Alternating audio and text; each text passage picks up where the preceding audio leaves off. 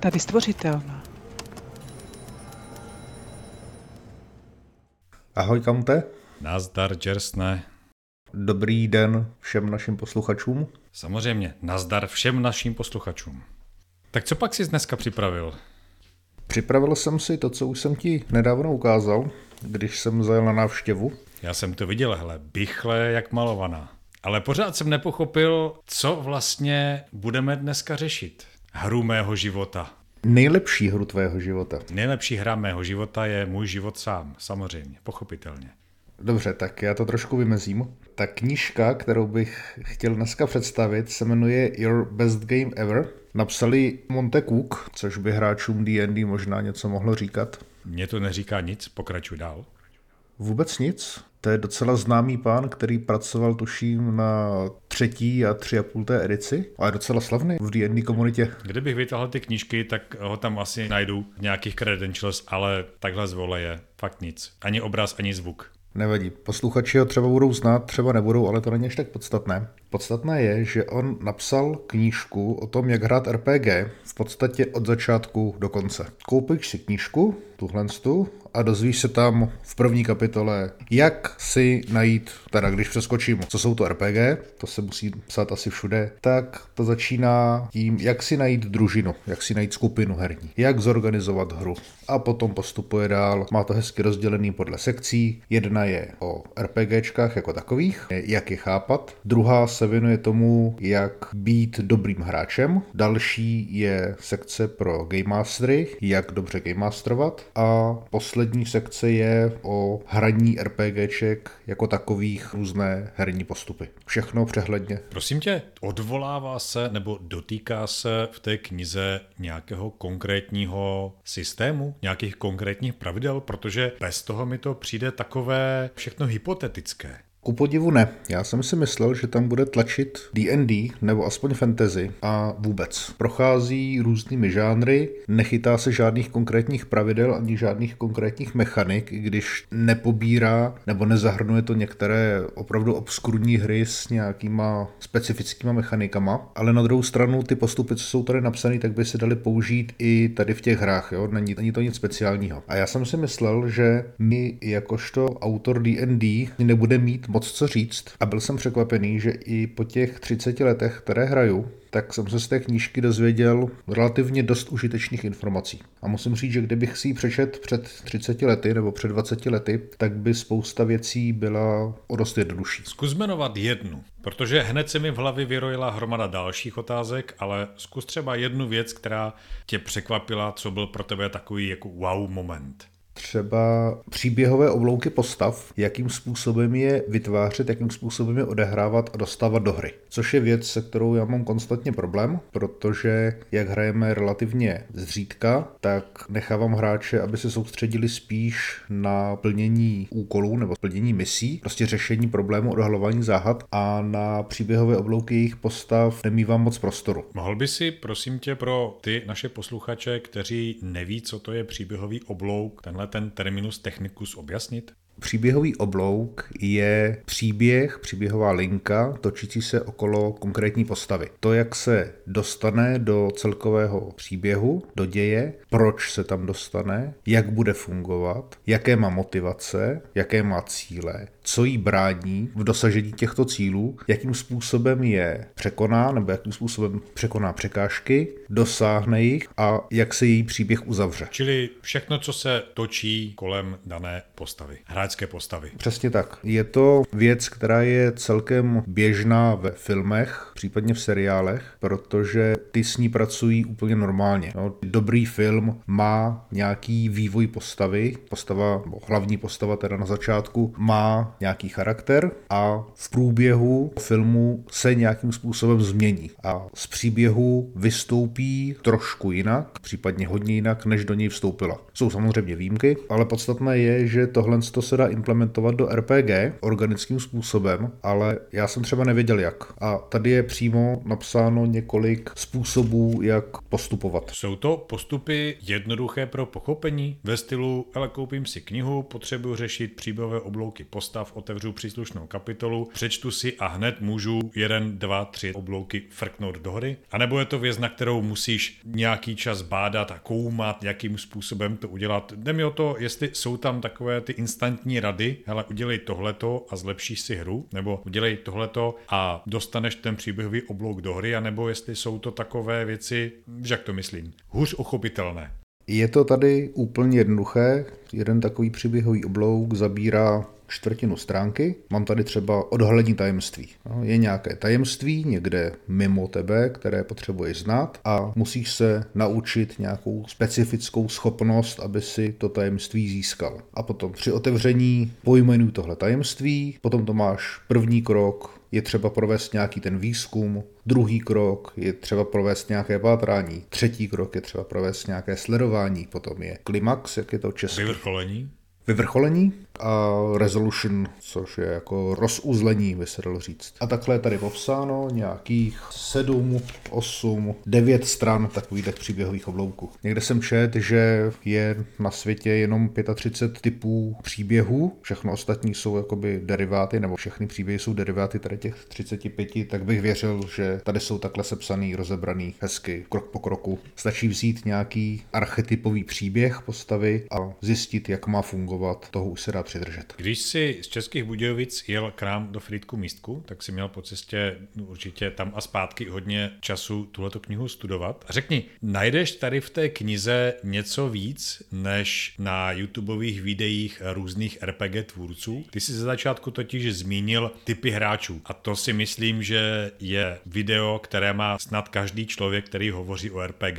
Kdybych hodně hledal, tak bych určitě dal dohromady video, nebo spíš sbírku videí ke každému tématu, které tady probírá. Ale takhle hezky ucelené a navazující bych to určitě nikdy nedostal. Nehledě na to, že najít nějakou informaci ve videu je o dost těžší, než si tady nalistovat nějakou stránku, kterou potřebuju zjistit. Třeba jak se má Game Master postavit k pravidlům. Strana 153, tak si to nalistuju a hned tady mám, jak je to se znalostí znalostí pravidel, jak je to s podváděním, jak je to s house rules, jak je to s logikou a uvěřitelností, vyváženost hry, férovost, všechno krásně rozebrané. Jak tě tak poslouchám, tak ve mně roste takový vnitřní bratr Koniáš. To znamená? Pokud existuje taková kniha, která vysvětluje vše, pak jsme tedy zbyteční. Proto raději spalme tu a podobné knihy, abychom alespoň ještě chvíli se udrželi na výsluní. No, kdyby to bylo tak jednoduchý, tak o té knize asi nemluvím, ale ono to vůbec tak jednoduché není, protože mě se podařilo koupit poslední kopii tady v Česku, která se prodávala. Teď už se mi nedaří nikde objevit obchod, kde by se dala sehnat, kde bych vůbec mohl doporučit, aby si někdo koupil. To za prvé. A to za druhé, ta knížka je anglicky, což teda není až tak velký problém pro mě, když musím říct, že nejsem až tak dobrý čtenář v angličtině jako v češtině, nebo tak rychlý. Ale myslím si, že kdyby ta knížka byla v češtině, takže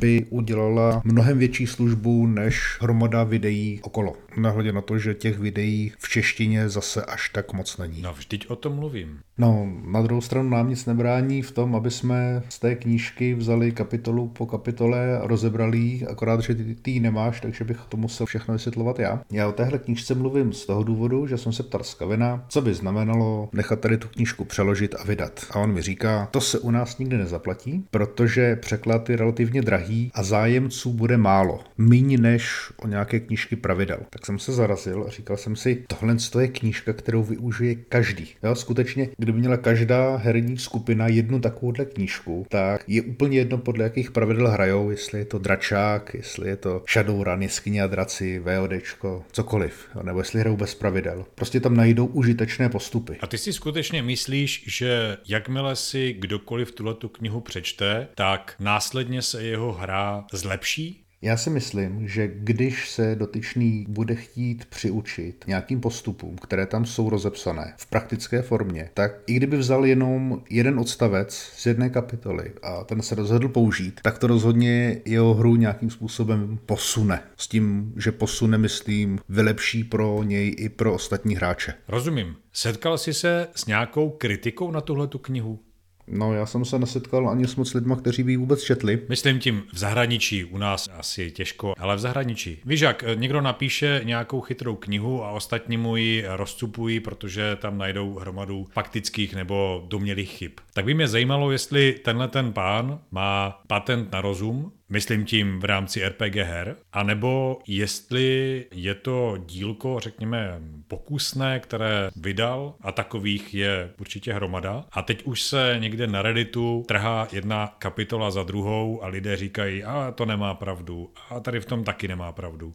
Tak nesetkal jsem se s tím jenom proto, že jsem ty recenze nějak extra nehledal, nebo lépe řečeno ty kritické recenze jsem nějak nehledal. Ale hlavně on to nepíše úplně sám, má tam dalších 20 různých game masterů a hráčů, z nichž někteří jsou docela známá jména, nebo teda jsou známá i mě, který se tady v té oblasti až tak moc nepohybuje, jako že bych poslouchal nebo četl různé jiné cizí autory z anglického prostředí a zejména z D&D, ale i z jiných her her. Takže tam jsou i jiné pohledy na některé situace nebo na některé části té hry nebo na některé aspekty hraní RPGček. A vlastně jsem na tu knížku četl jenom samou chválu, což může být samozřejmě výběrové zkreslení, že jsem opravdu nehledal ty kritiky, anebo prostě, že těch kritik není dost, anebo že opravdu je to tak, že takovéhle teoretické, byť praktické rady málo kdo čte, takže se k tomu málo lidí vyjadřuje. Nevím. Snažíš si něco najít?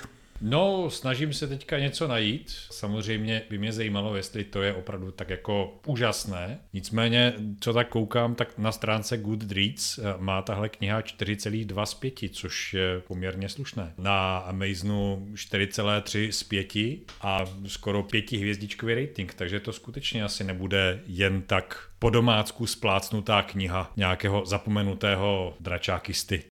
Já osobně si myslím, že tady v té knížce je popsáno nějakých 30 let, možná víc zkušeností na poli RPG, přičemž se tam vlastně ke konci dostává až k hraní her po netu, takže není to nic, co by mohlo tak rychle zastarat pokrývá úplně všechno, s čím bych se mohl setkat na poli RPG. Zpět k tomu vydání v češtině. Když jsem se zeptal, kolik by bylo potřeba výtisku, aby se to české vydání jak zaplatilo, tak Skaven střel od boku číslo 500 kusů, že by se muselo prodat. Přičemž zatím nevěří, že by se téhle knihy prodalo jen tak 500 kusů, aby se mu aspoň to vydání zaplatilo. A já jsem si říkal, že by bylo fajn sehnat nějakou tu stovku, dvě, tři čtyři zájemců, kteří by vyjádřili podporu potenciálnímu českému překladu, že by si ji prostě zakoupili. Jako myslíš, že by si tu knížku zakoupili ještě předem, před vydáním, že bychom udělali něco jako Kickstarter?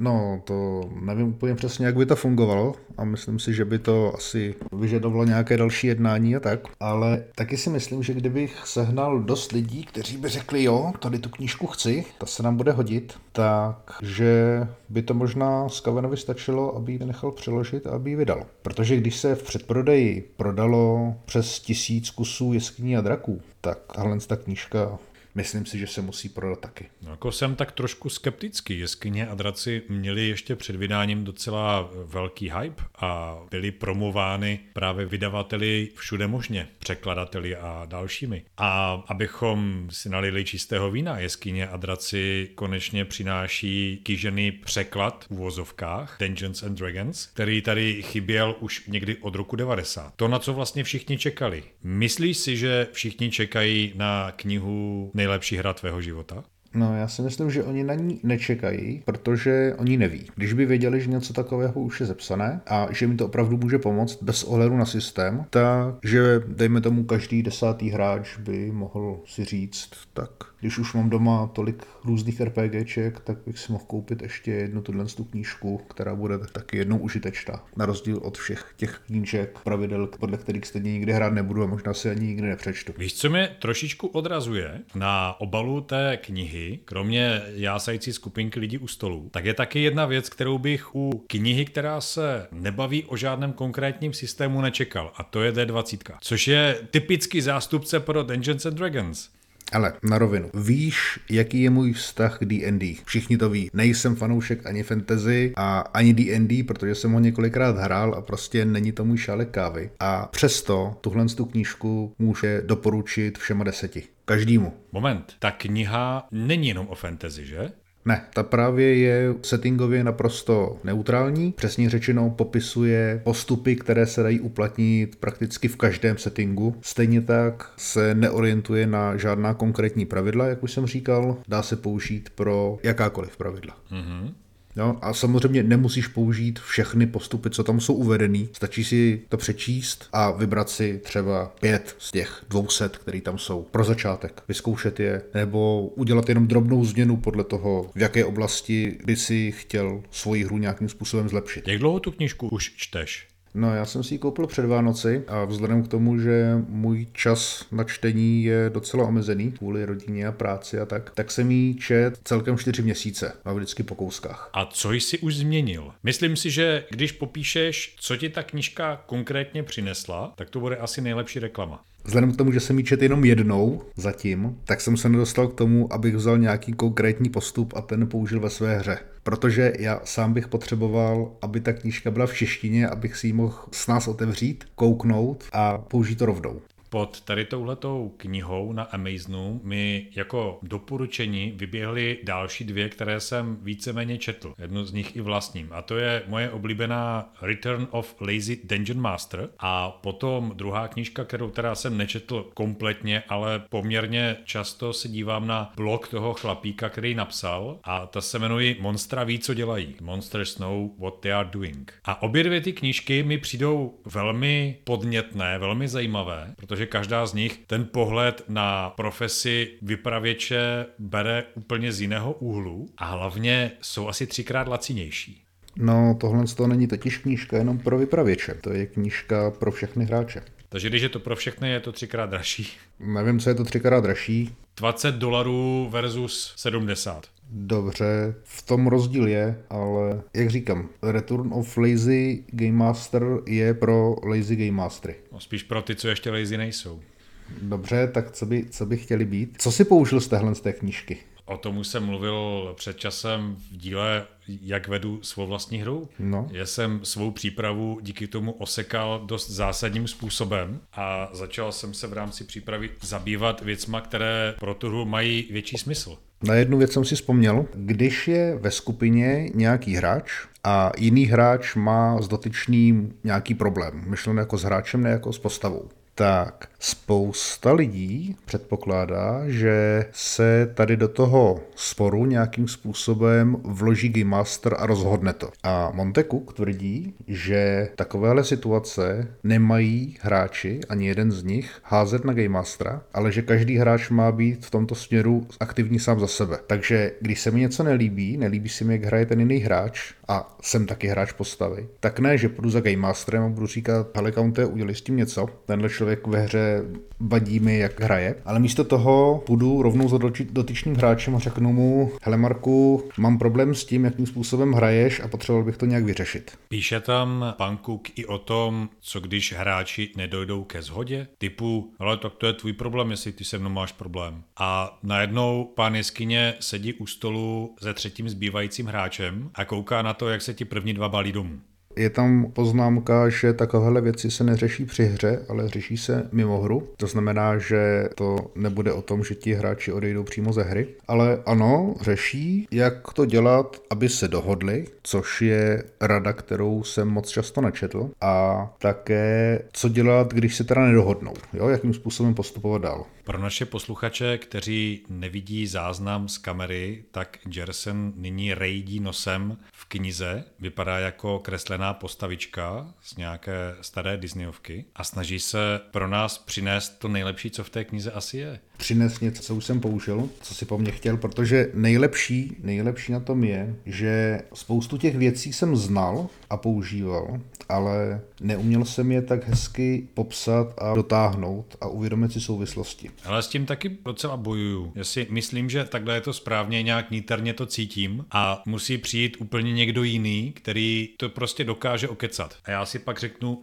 ano, dobře on hovoří. Lépe bych to neřekl, mluví mi úplně z duše. Mimochodem, pokud byste měli zájem a nakoukli byste do té knihy příšery vědí, co dělají, vřele doporučuju. Dají se, myslím, že všechny ty kapitoly nebo příšery najít i na internetu zdarma. A Keith Aman v tom svém blogu, případně v téhleté knize popisuje, jak vlastně příšery uvažují a že to nejsou až takový úplní tupasové, jako my je, jako páni jeskyně nebo vypravěči, potom prezentujeme hráčům. A snaží se popisovat, jakým způsobem by každá ta příšera dokázala řešit problémy s hráči pomocí svých vlastních vlastností a atributů, k čemu je asi tak může využít, čím může postavy překvapit, případně jakým způsobem kooperuje s ostatními příšerami nebo se svým vlastním prostředím. U některých potvor mi to docela dost otevřelo oči. Ve smyslu, ne každý boj musí být vždycky jenom to třísk prásk, tady si upiš pár bodů výdrže, ale zjistíte, že ty příšery dokážou spolu kooperovat, že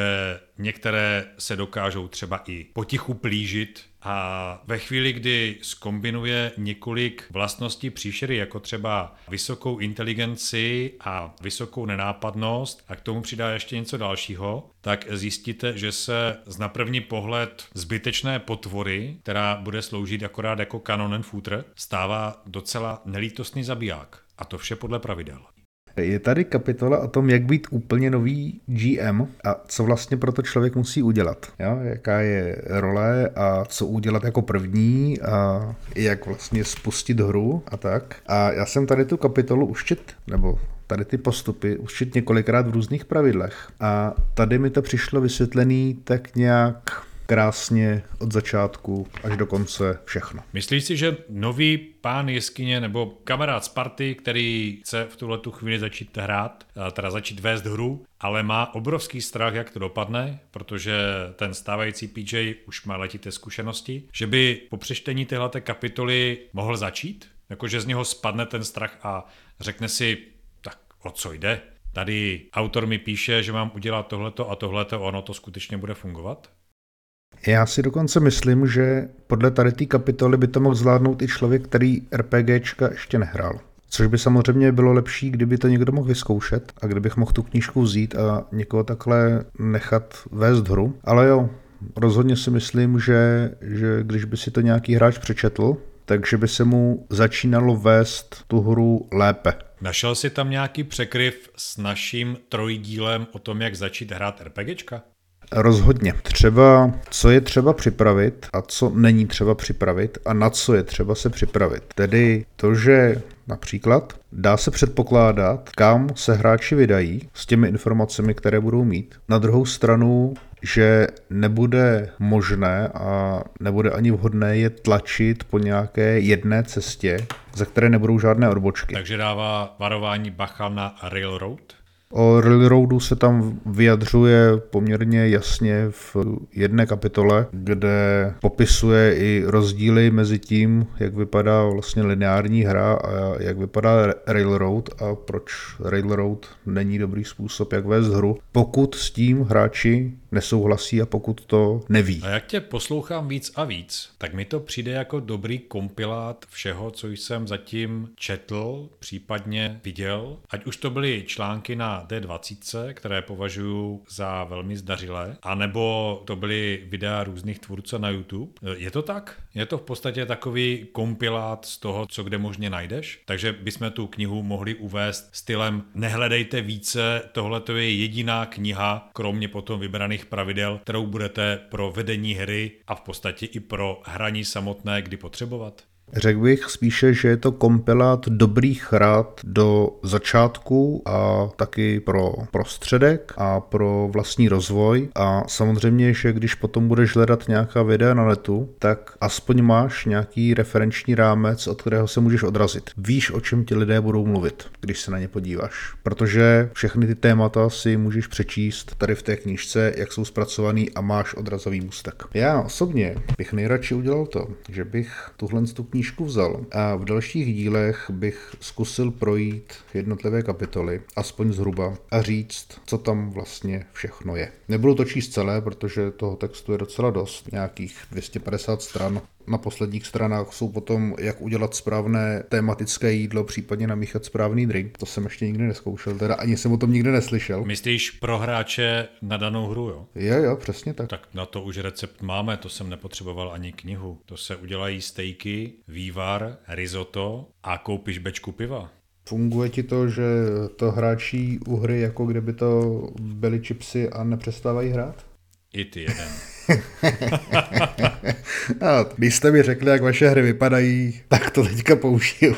no jo, dobře, u nás se občas nedělají přestávky na jídlo, ale přestávky na hru. No. Ano, ano. Když už si to vytáhnul. Ale vezmeš tuhle tu knížku na Gamecon? Rozhodně ji vezmu na Gamecon, protože ji asi budu brát na každou takovouhle akci, abych s ní mohl mávat lidem před nosem a říkat, hele, je to super knížka a ještě víc super by byla, kdyby byla v češtině, podpoř to, napiš Skavenovi, že když vyjde v češtině, tak si ji koupíš. Takže Skaven je ten, který teďka počítá hlasy pro vydání knihy. No, on teda asi nic nepočítá, já jsem mu akorát řekl, že prostě zkusím sehnat lidi, kteří by o ní měli zájem, jenom aby viděl, jaký o nich zájem asi tak bude, jak, jak on to zhodnotí a jestli do toho půjde nebo ne, to je samozřejmě na jeho rozhodnutí, do toho já nemám co mluvit. A ani nemám dost peněz na to, abych ten překlad jako zafinancoval sám. Ale myslím si, že při tom počtu hráčů, který u nás je, by se to rozhodně mohlo zaplatit a nějakých 500 až 1000 kousků by se určitě prodalo. Takže přátelé, posluchači slyšíte, Jerson je z knihy nadšen. A víte, co to znamená, když je Jerson z něčeho nadšen?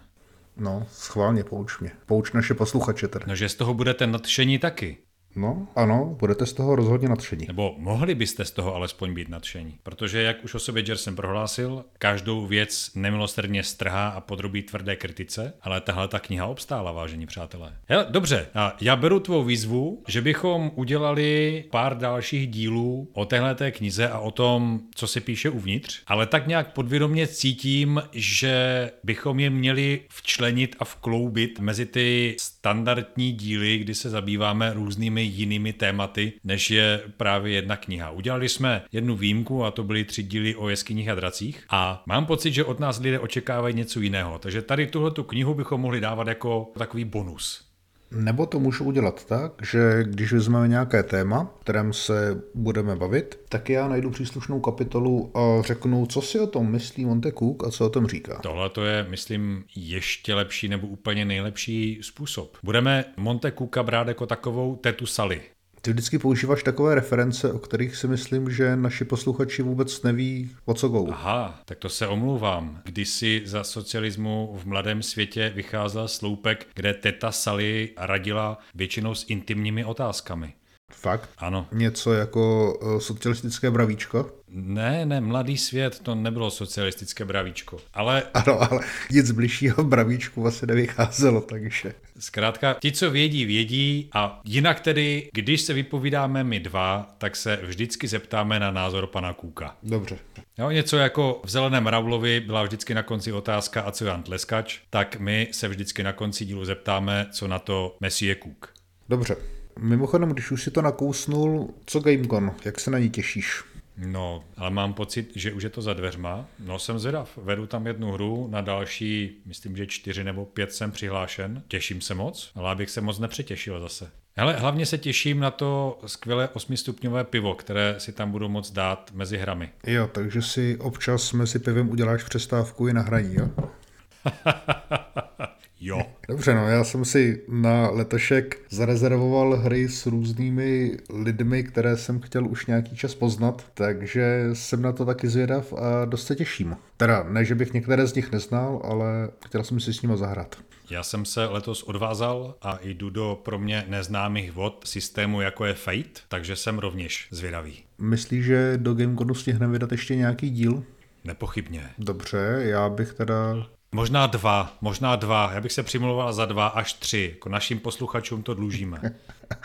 Dobře, tak to už, aby jsme začali nahrávat hned další díl po konci tohohle dílu. Ti, co sledují Discord stvořitelny, tak mohli si přečíst, jak se nám před okurkovou sezonou nebývalé objevila okurková sezona. Jinými slovy, i když jsme to nečekali, najednou jsme zjistili, že prostor na nahrávání nemá ani jeden z nás. Taky máme nějaké soukromé životy, které nejsou RPG a míchá se nám to do natáčení. Nicméně jsem rád, že jsme tady ten díl udělali, i když jako reklama teda strašně se mi to strhal. A vzhledem k tomu, že už je to pár měsíců, co jsem tu knížku čet, tak jsem na ty otázky nebyl úplně dobře připraven. Z toho naši posluchači můžou aspoň usuzovat, že já jsem na tebe vytáhl tohle toho překvapení a ty si na mě vytáhl nečekané otázky. Nicméně myslím, že závěr a výstup z celého našeho povídání je více než dobrý. Vezmeme si pana Kůka na nějaký čas jako třetího u stolu a byť teda nebude fyzicky s námi, vždycky se ho zeptáme, co si o daném tématu myslí on. A až to probereme celé, tak si třeba někdo řekne, že by si tu knížku koupili v češtině, když už to vlastně nebude potřeba. Možné to je, hele. Člověk si za svůj život koupí spoustu různých věcí, proč by to nemohla být zajímavá knížka o RPG, zvlášť když RPG je v podstatě náš život, že? Takže hlásím se jako první o český překlad. Dobře, dělám si čárku. Druhou. Tak, Teď mě ještě napadlo, že bych současně s tím mohl si otevřít GoFundMe, aby se mi lidi na těch 70 dolarů složili. teď jsem se trochu nechytil, jako aby tě zasponzorovali. Ano, ano, ano, přesně tak. Hele, ale ono to nemusí stát 70 dolarů jako na český. Ona ta knížka je drahá, ale v češtině by mohla být ne tak drahá. To nedokážu posoudit. Nehledě na to, že když to tak vezmeš, tak to, to fakt stojí 70 dolarů, já jsem za to dal 1200, jako. No, 70 dolarů. To je 1200, počkej, já, já vezmu kalkulačku do ruky. Za kolik je dolar? 22? To je 1540, jo. No vidíš.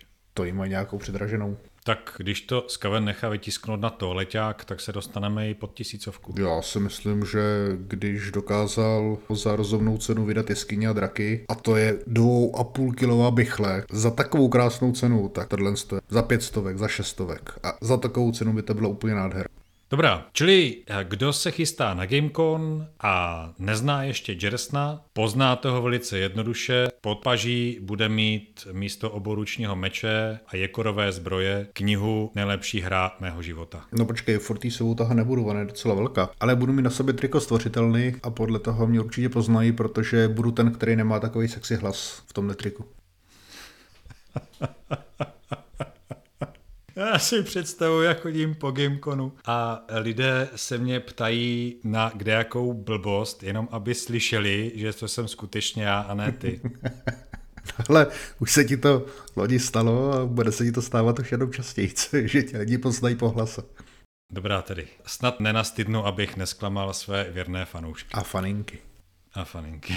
Dobře, Jessne, máš tam ještě něco o téhleté úžasné knize? A nebo se s touhletou bombou můžeme rozloučit jak v Top Gearu? Já myslím, že se teďka rozloučíme a já si na příště připravím nějaké čupr pro téma. Mimochodem, o čem by si chtěl teda příště mluvit?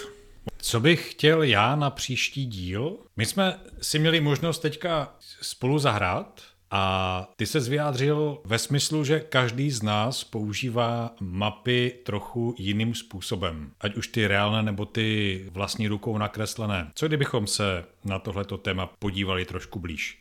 Já jsem pro, takže příští díl bude o mapách a mapování a využívání map a takových těch věcech. Zmapujeme, jak pracujeme s mapami. Dobře, téma příštího dílu je dáno a nám asi nezbývá nic jiného, než se pro tentokrát rozloučit a popřát vám příjemný den a příjemné čekání na Gamecon. Můžeme se tam vidět, stačí se k nám přihlásit. Takže nashledanou a naslyšenou. Mějte se krásně a naslyšenou.